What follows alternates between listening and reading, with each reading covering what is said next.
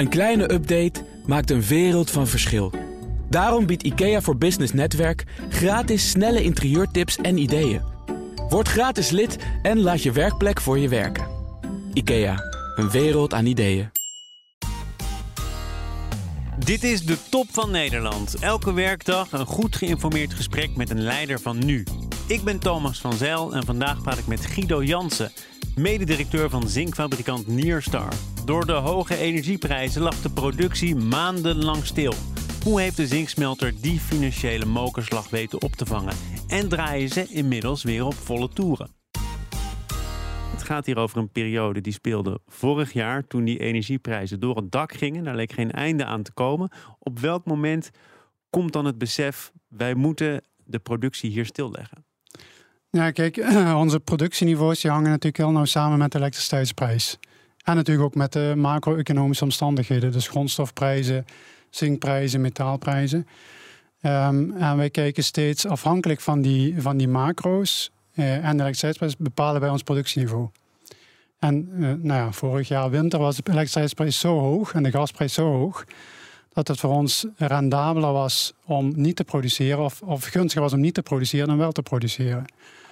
Uh, dus we zijn gestopt met produceren een aantal maanden en we hebben die tijd gebruikt om uh, investeringen te doen, uh, dingen te doen die je kunt doen als je stoplicht, die je niet zo makkelijk kunt doen als je, als je produceert. Maar jullie hebben in een tijd dat er geen euro werd verdiend en er wel geld uitging, want je moet wel je mensen aan het werk houden en betalen en toch ook zaken op orde houden, toch de financiële ruimte en rust gevonden om te blijven investeren.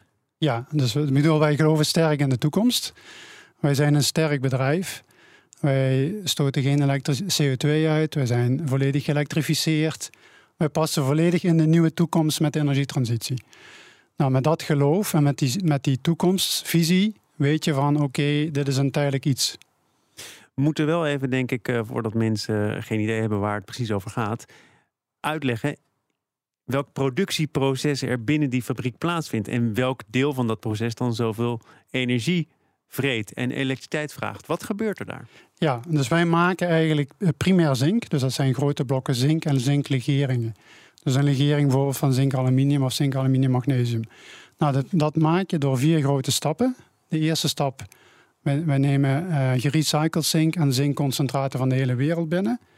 En die zetten we om naar een zinkoxide en naar zwavelzuur. Zwavelzuur gaat naar bijvoorbeeld naar de kunstmest. Een tweede stap, we gaan allemaal bijproducten maken. Koper, kobalt, nikkel, maar ook producten met lood, zilver, goud. En daar hebben we potentie om nog meer producten te maken. En dan de derde stap is waar we de elektronen gebruiken, de elektriciteit. En daar zetten we eigenlijk Zink 2 plus om plus twee elektronen naar zink 0. Het is een beetje, wat een beetje chemisch. Ja, nee, maar, maar... Ik, heb, ik heb een paar jaar goed opgelet en daarna het een beetje laten versloffen, maar ga je gang. Uh, maar dat is eigenlijk de natuurkundige stap waar je zink, opgelost zink omzet in zink, vast, vaste zinken platen.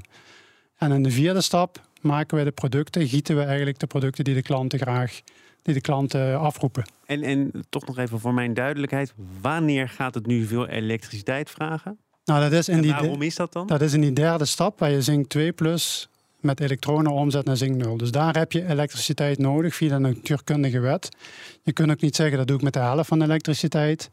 Uh, je hebt gewoon die twee elektronen nodig per mol zink. Toen jullie uh, moesten beslissen uh, de productie stil te zetten, omdat het nu eenmaal heel veel meer ging kosten dan het ooit zou opleveren.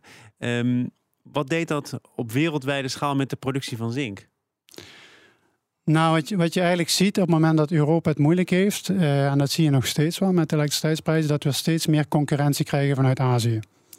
Dus vanuit Azië wordt er, uh, komt er meer zink Europa binnen en Europa schaalt productie af. Dus dat betekent dat ook steeds meer grondstoffen opgekocht worden door, door Azië. Uh, en, dat, en dat zij zorgen voor, voor meer zink wat vervolgens naar Europa komt. Maar het afschalen van de productie in Europa is een kostenbatenanalyse van de bedrijven die dat doen. Klopt. Ja, klopt. En dat is iets wat we nog steeds doen. Hè. Dus we kijken nog steeds naar. Oké, we, dus we draaien nu nog steeds niet 100%. We kijken nog steeds van wat is de elektriciteitsprijs, wat is mijn zinkprijs, wat is mijn grondstoffenprijs en wat is dan mijn meest rendabele productiepercentage. Maar de prijs voor zink ging in die periode toch ook omhoog. En je haalde net nikkel aan. Nou, volgens mij is dat zelfs stil komen te liggen omdat er eh, geen, geen redding meer aan was. Klopt. Die stijging ging, ging echt alle voorstellingsvermogens te buiten. Ja. Maar de stijging van de elektriciteitsprijs was vele malen hoger dan wat je in de zinkprijs terugzag. Dus, uh, dus, de, dus de zinkprijs kon niet opvangen wat, wat we terugzagen in de kostenstijging. Wat denk je eh, wat structureler gedacht over de energieprijzen? Want uh, nou, de periode van net na de inval in Oekraïne hebben we gehad. Uh, de grootste schok is uit het systeem. Maar die prijs ligt nog altijd hoger dan voor die periode. Klopt, ja. ja we zien dat de prijs nog fors hoger ligt. Uh, niet zo hoog als vorige winter, maar nog steeds een stuk hoger. En voor ons nog steeds op een eigenlijk te hoog niveau. Hoe we dat structureel zien is dat we nog steeds verwachten dat de komende twee, drie jaar de prijzen redelijk hoog blijven en dat het daarna iets zal gaan zakken. Maar niet, maar niet terugkomen op een niveau die we hebben gezien uh, twee jaar geleden. Maar komen jullie dan ook weer terug op 100% productieniveau? Of zeg je ja, die macro-economische ontwikkelingen en de prijzen die erbij horen, die beletten dat? Ja, nou kijk, onze, onze visie is dat we eigenlijk uh, in plaats van, van een vaste afname steeds meer toe moeten gaan naar flexibele afname. Uh, vroeger zag je dat de goedkope prijzen in de nacht waren en de duurdere prijzen overdag, de piek- en off-piekprijzen. Tegenwoordig zien we dat de goedkope uren zitten met name tussen, tussen 1 en 5 uur s middags, als de zon schijnt. En dan heb je het over de afname van elektriciteit. Elektriciteit. Dus elektriciteit is voor ons de belangrijkste kostenpost. Dus waar wij op focussen en, waar we de toekomst zien, is eigenlijk door te zeggen van we gaan meer elektriciteit afnemen als, het, als er meer aanbod is. En minder als er minder aanbod is. Ja kom daar zo meteen eh, nog even op terug. Ik moet ook terugkomen op iets wat jij in verschillende kranten al hebt gezegd. Uh, onder andere het Financiële Dagblad en eerder ook in het eh, NRC. Dat gaat over het gebrek aan kostencompensatie voor energie-intensieve bedrijven in Nederland. In Nederland staat dat sterk ter discussie. Dus ook maar de vraag of dat op dezelfde manier terugkomt als het tot 2001 werd gehanteerd. Maar andere landen die zijn daar wat guller, wat royaler in. kun je kort uitleggen wat er met zo'n kostencompensatie voor jullie verandert. Mocht dat gewoon weer in Nederland worden ingevoerd? Ja, kijk, een van de belangrijkste kostencompensaties is voor ons de indirecte kostencompensatie voor CO2. Um, ehm, dus wij, wij consumeren 100% groene elektriciteit. Dat betekent dat we een, uh, uh, op onze eigen gronden met partners een, een zonneveld ontwikkeld hebben. En alles wat we tekort komen, kopen wij groen in. En onze visie is om steeds meer nieuw te ontwikkelen projecten van de grond te krijgen om met wind ofwel met zon. Um, dus je, je, je consumeert 100% groen, maar je betaalt de marktprijs van elektriciteit. En die wordt nog steeds bepaald door de gasprijs en de CO2-prijs. Nou, in al, alle landen om, om ons heen, Duitsland, België, Frankrijk, word je daarvoor gecompenseerd. In de toekomst zegt Europa van ik ga een CBAM, Carbon Border Adjustment Mechanism, invoeren. Om de concurrentie van buiten Europa te kunnen managen. Precies, dat was een ingenieus nieuw instrument. Prima, uh, prima. Dus dat kan werken, maar dat is er nog niet. Dus we zitten nu in een situatie dat dat systeem er nog niet is. Er komt wel concurrentie van Azië binnen, die daar die onbeperkt binnen kan komen. En wij uh, hebben geen compensatie in Nederland en de landen om ons heen wel. Dus dat maakt het voor ons moeilijk. Maar moet je niet uh, eigenlijk bij de bron van dit alles beginnen, namelijk de koppeling van die gasprijzen en elektriciteitsprijzen. Ja, dus daar kun je ook naar kijken. Van kunnen we daar iets aan doen? Daar zijn ook voorstellen voor. Van, van hè, moet ik daar werken met uh, uh, contractual differences, dat ik een minimumprijs en een maximumprijs zet. Volgens mij is dat ook toen ter tijd, hè, toen dat in 2022 echt voor heel veel bedrijven problemen opleverde, wel serieus bediscussieerd. En zijn er inderdaad eh, verschillende ideeën geopperd. Ja, klopt. En, en, en dat, een van de bepaalde ideeën kan ons ook helpen hè, om, dat, soort dingen te managen en uh, goed om te gaan. Dat is allemaal niet doorgevoerd. Dus op dit moment zijn we blootgesteld van, ah, je hebt, je hebt wel stokken gekregen en geen compensaties. En je zit in een speelveld dat nog niet beschermd wordt, Europees gezien. Maar dan moet je me toch even uitleggen hoe uh, het bedrijf er financieel voor staat. Want uh, jij hebt hier de afgelopen 10 minuten geprobeerd uit te leggen dat jullie perfect passen in de toekomst. En zelfs toen er geen euro werd verdiend, dachten jullie we gaan investeren, we passen in het plaatje. Als je zo perfect in het plaatje past, waarom vraag je dan toch nog om steun van de overheid? Nou kijk, waar we naartoe willen is eigenlijk naar een, een, flexibele afname van elektriciteit om je kosten laag te houden en om meer duurzaam te produceren. Dus dat betekent dat wij, uh, je wilt je productie met niveau handhaven, zoals je net zegt. Dus produceren jullie al terug maximaal, nou dat wil je blijven doen. Uh, om dat te kunnen doen en flexibel te kunnen afnemen van elektriciteit, willen wij onze derde stap van de productie gaan vergroten in capaciteit. dan kan ik zeggen, oké, ehm, er is nu heel veel zon- en windopwek. We gaan dan veel meer produceren. En op het moment dat iedereen s'avonds thuis komt en er een tekort is aan elektriciteit, leggen wij die productie bijna volledig stil.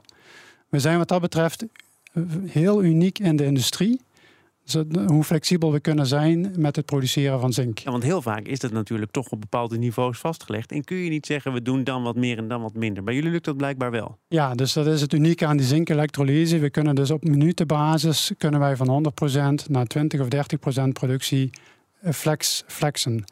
Um, en dat, en dat, eh, ja, dat past perfect bij de nieuwe energieopwek, die niet zozeer gas of kolen is, maar meer zon-wind. Maar vraag je nu eigenlijk vooral om uh, flexibiliteit en dus andere wet- en regelgeving, of vraag je om een financiële compensatie? Nou kijk, een van de dingen die je, die je dan ziet is, uh, wat we willen gaan doen, is flexibel gaan afnemen, zodanig dat we beter passen bij de energieopwek.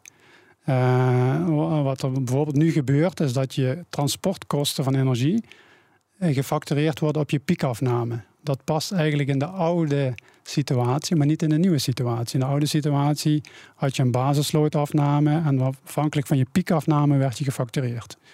Nou, als wij nu meegaan met de energietransitie en we gaan veel afnemen als er te veel is en minder als er te weinig is, dan wil je niet hogere kosten hebben omdat je dat gaat doen.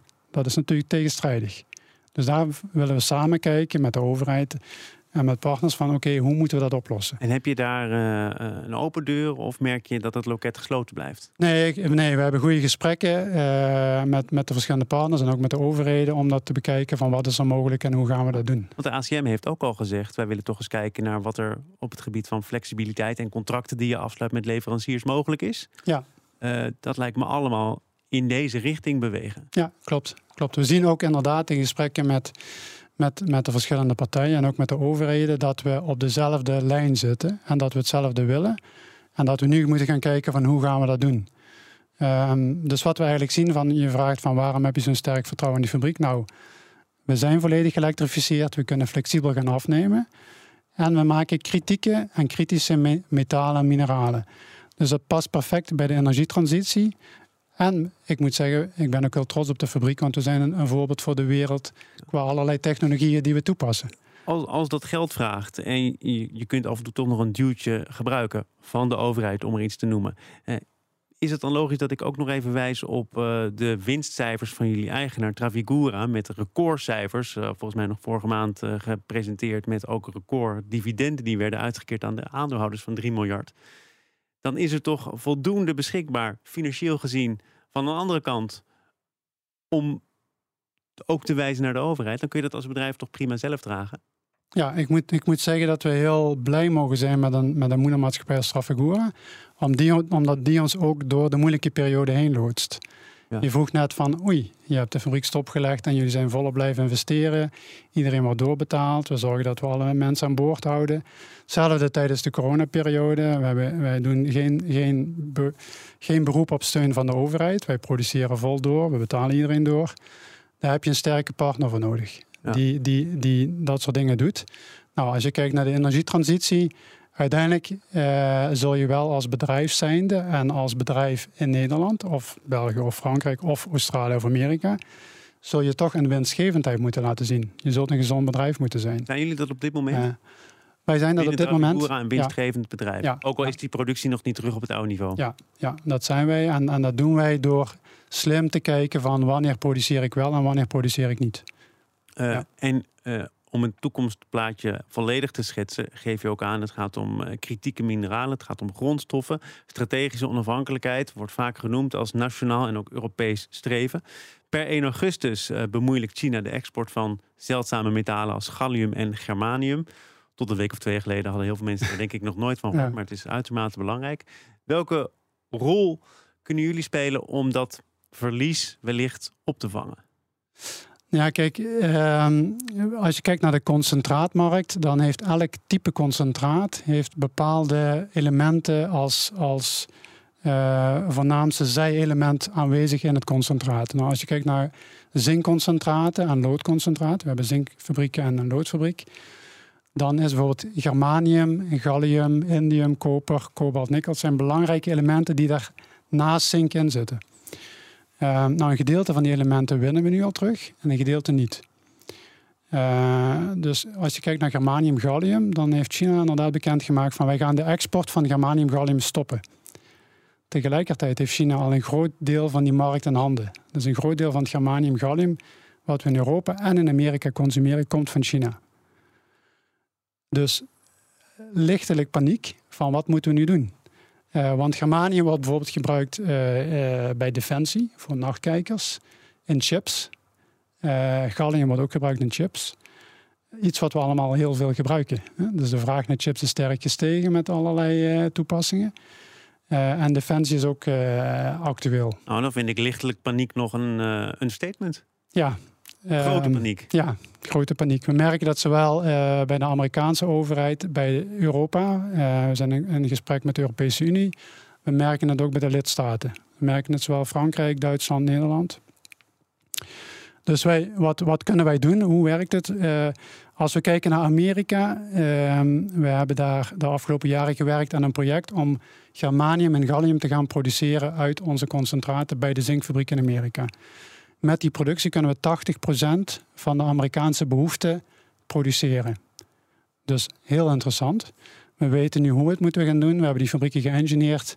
En we staan in de startblok en zijn nu in gesprek met de dus Amerikaanse overheid. je kunt woorden spreken, ondanks die dominante positie en die exportrestricties die nu zijn aangekondigd. Nou ja, wij weten wat we moeten doen en we weten hoe we het kunnen doen. Um, en we hebben die potentie om dat te doen. Dus in Amerika zijn we heel, heel redelijk ver. In Europa zien we dat we de concentraten waar redelijk veel germanium in zit, innemen in de Nederlandse zinksmelter. Dus het concentraat waar redelijk veel germanium in zit, wordt typisch hier geconsumeerd. Maar het germanium wordt nog niet teruggewonnen omdat er geen business case is. We zien niet dat, dat de investeringen justificeren dat je dat gaat doen. Maar het kan een strategische, strategische keuze zijn van Europa of van Nederland om te zeggen van we moeten dat gaan doen.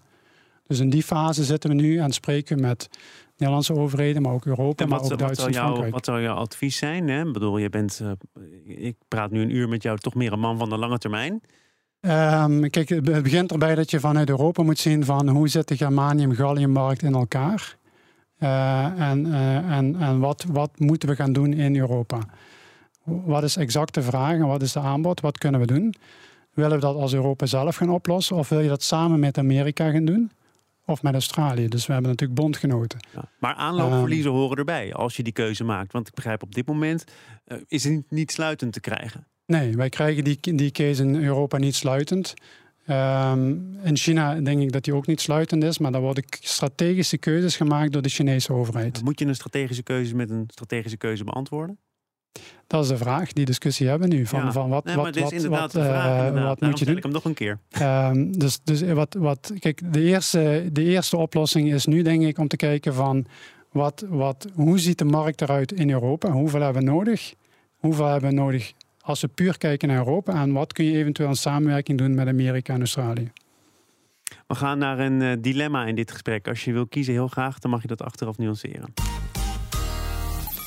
Ik begrijp niets van de weerstand rondom de wetgeving die eh, internationaal maatschappelijk verantwoord ondernemen regelt. Of die nieuwe wetgeving is voor veel ondernemers te ingrijpend. Je mag het achteraf toelichten. Ik begrijp niks van de weerstand. Guido Jans is hier, een van de topmannen van zinkfabrikant Nierstar. Die weerstand was er wel degelijk. Hè? Het kabinet heeft ook op de rem moeten trappen, omdat het ook daar ging over een gelijk speelveld. En als je tot diep in de keten moet kunnen achterhalen wat waar vandaan komt en of er misschien kinderarbeid in het spel geweest is, is niemand daarop tegen. Maar dan wel graag collectief en niet wij als Nederlandse pionier daarop vooruitlopend. Uh, snap jij dat wel? Nee, snap ik ook niet echt. Uh, als we kijken naar internationaal maatschappelijk verantwoord ondernemen en responsible sourcing, dan is dat eigenlijk een basisprincipe.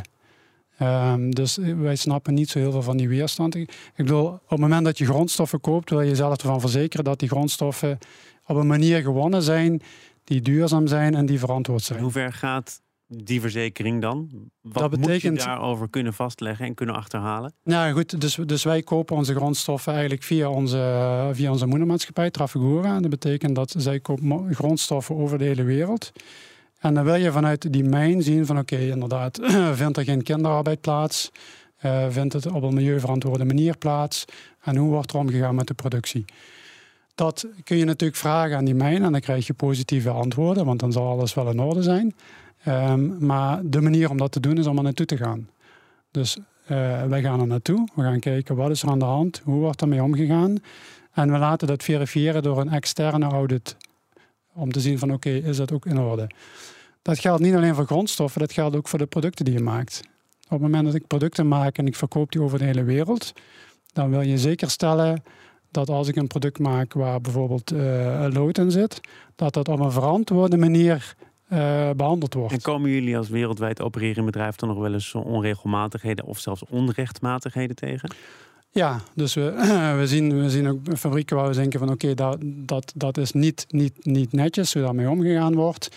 Bijvoorbeeld er is te veel stofemissie of er wordt te veel van uh, uh, niet milieuverantwoord uh, mee omgesprongen. Betekent dat wij niet leveren aan dat soort bedrijven. Ja.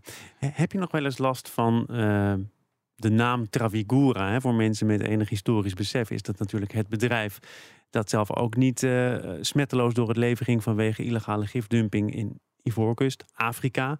Werd een grote zaak, ook in Nederland. Um, moeten ze daar nu uh, bijna roomser zijn dan de paus? Uh, merkte je zelf in 2019 toen die relatie met Travigura ontstond iets van terughoudendheid? Nou, wat je, wat je ziet is eigenlijk bij Trafigura is dat het beleid heel erg spits is op de energietransitie en op de dingen op de juiste manier doen. Uh, ja, dat tuurlijk, was dus niet altijd zo.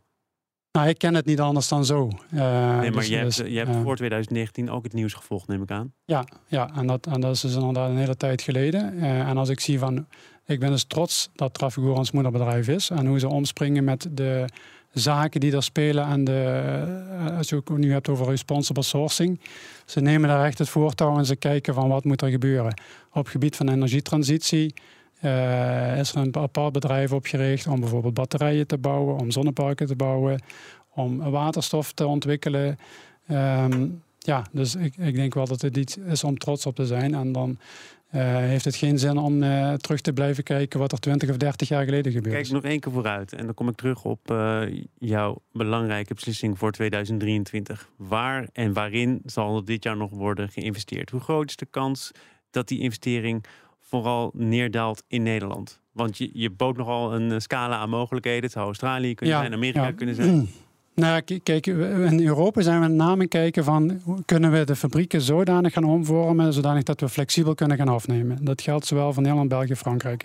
En dat willen we eigenlijk voor al die drie landen gaan doen. In Amerika zijn we heel erg gefocust om zo snel mogelijk te kijken van hoe kunnen we germanium gallium gaan produceren in Amerika. Um, dus zo zijn we voor de verschillende continenten hebben onze strategische visie klaar.